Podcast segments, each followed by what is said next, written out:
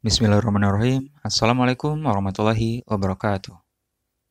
Tak terasa kita sudah melewati beberapa hari di bulan Ramadan. Semoga dalam menjalankan ibadah puasa diberikan kelancaran dan keberkahan oleh Allah Subhanahu wa taala. Amin. Di podcast kali ini kita akan membahas mengenai keutamaan berpuasa. Nah, apa aja keutamaan berpuasa? Simak baik-baik ya. Di antara keutamaan ibadah puasa adalah yang pertama, puasa adalah jalan meraih ketakwaan. Yang kedua, puasa adalah sebab dosa-dosa diampuni. Apabila dikerjakan berdasar iman, ikhlas serta meneladani Rasulullah Shallallahu Alaihi Wasallam. Yang ketiga, pahala puasa melimpah ruah apabila dilakukan sesuai dengan adab-adabnya. Yang keempat, puasa adalah perisai dari perbuatan haram. Yang kelima, puasa adalah perisai dari api neraka. Yang keenam, Bau mulut orang yang berpuasa lebih harum di sisi Allah dari aroma kasturi. Yang ketujuh, meraih dua kebahagiaan dengan puasa, yaitu kebahagiaan ketika berbuka dan ketika berjumpa dengan Allah Subhanahu wa taala. Yang kedelapan, masuk surga dari pintu khusus yang bernama Ar-Rayyan. Yang kesembilan, berpuasa dan membaca Al-Quran adalah dua amalan yang akan memberi syafaat bagi pemiliknya di hari kiamat. Yang kesepuluh, doa orang berpuasa tidak akan ditolak. Berikut merupakan dalil-dalil keutamaan puasa Ramadan. Allah Ta'ala berfirman, Wahai orang-orang beriman, diwajibkan atas kamu berpuasa sebagaimana diwajibkan atas orang-orang sebelum kamu agar kamu bertakwa. Surat Al-Baqarah ayat 183. Rasulullah Wasallam bersabda, Barang siapa berpuasa Ramadan karena iman dan mengharapkan pahala, akan diampuni dosanya yang telah lalu. Dan barang siapa sholat di malam Lailatul Qadar karena iman dan mengharapkan pahala, akan diampuni dosanya yang telah lalu. Hadis riwayat Al-Bukhari dan Muslim dari Abu Hurairah radhiyallahu anhu. Rasulullah SAW juga bersabda, setiap amalan anak Adam akan dilipat gandakan. Satu kebaikan dibalas 10 sampai 700 kali lipat.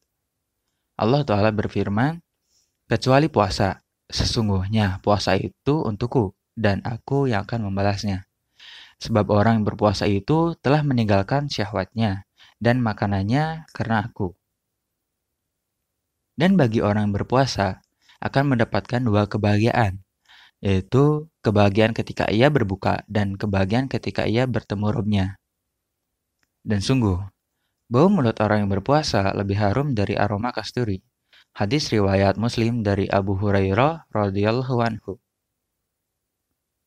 Rasulullah Shallallahu alaihi wasallam juga bersabda, Rob kita Azza wa Jalla berfirman, Puasa adalah perisai yang dengannya seorang hamba membentengi diri dari api neraka dan puasa itu untukku.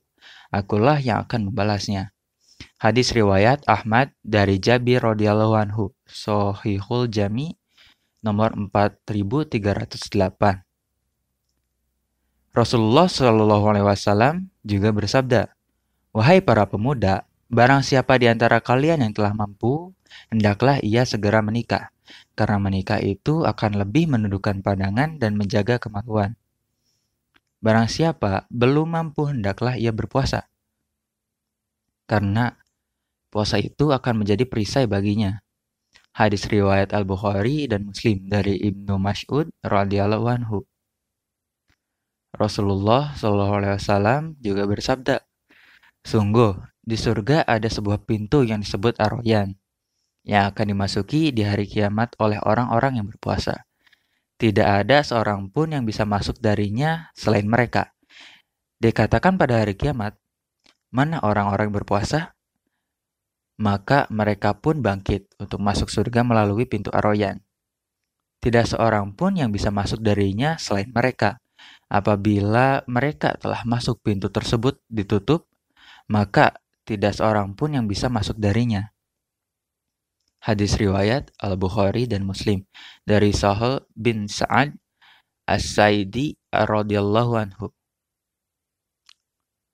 Rasulullah SAW juga bersabda, amalan puasa dan membaca Al-Quran akan memberi syafaat bagi seorang hamba di hari kiamat.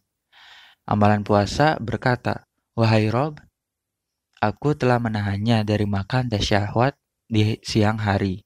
Maka izinkanlah aku memberi syafaat kepadanya.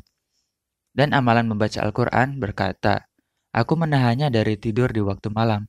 Maka izinkanlah aku memberi syafaat kepadanya. Maka keduanya pun izinkan memberi syafaat. Hadis riwayat Ahmad dari Abdullah bin Amr radhiyallahu anhu. Sahihut Tarogib nomor 1429.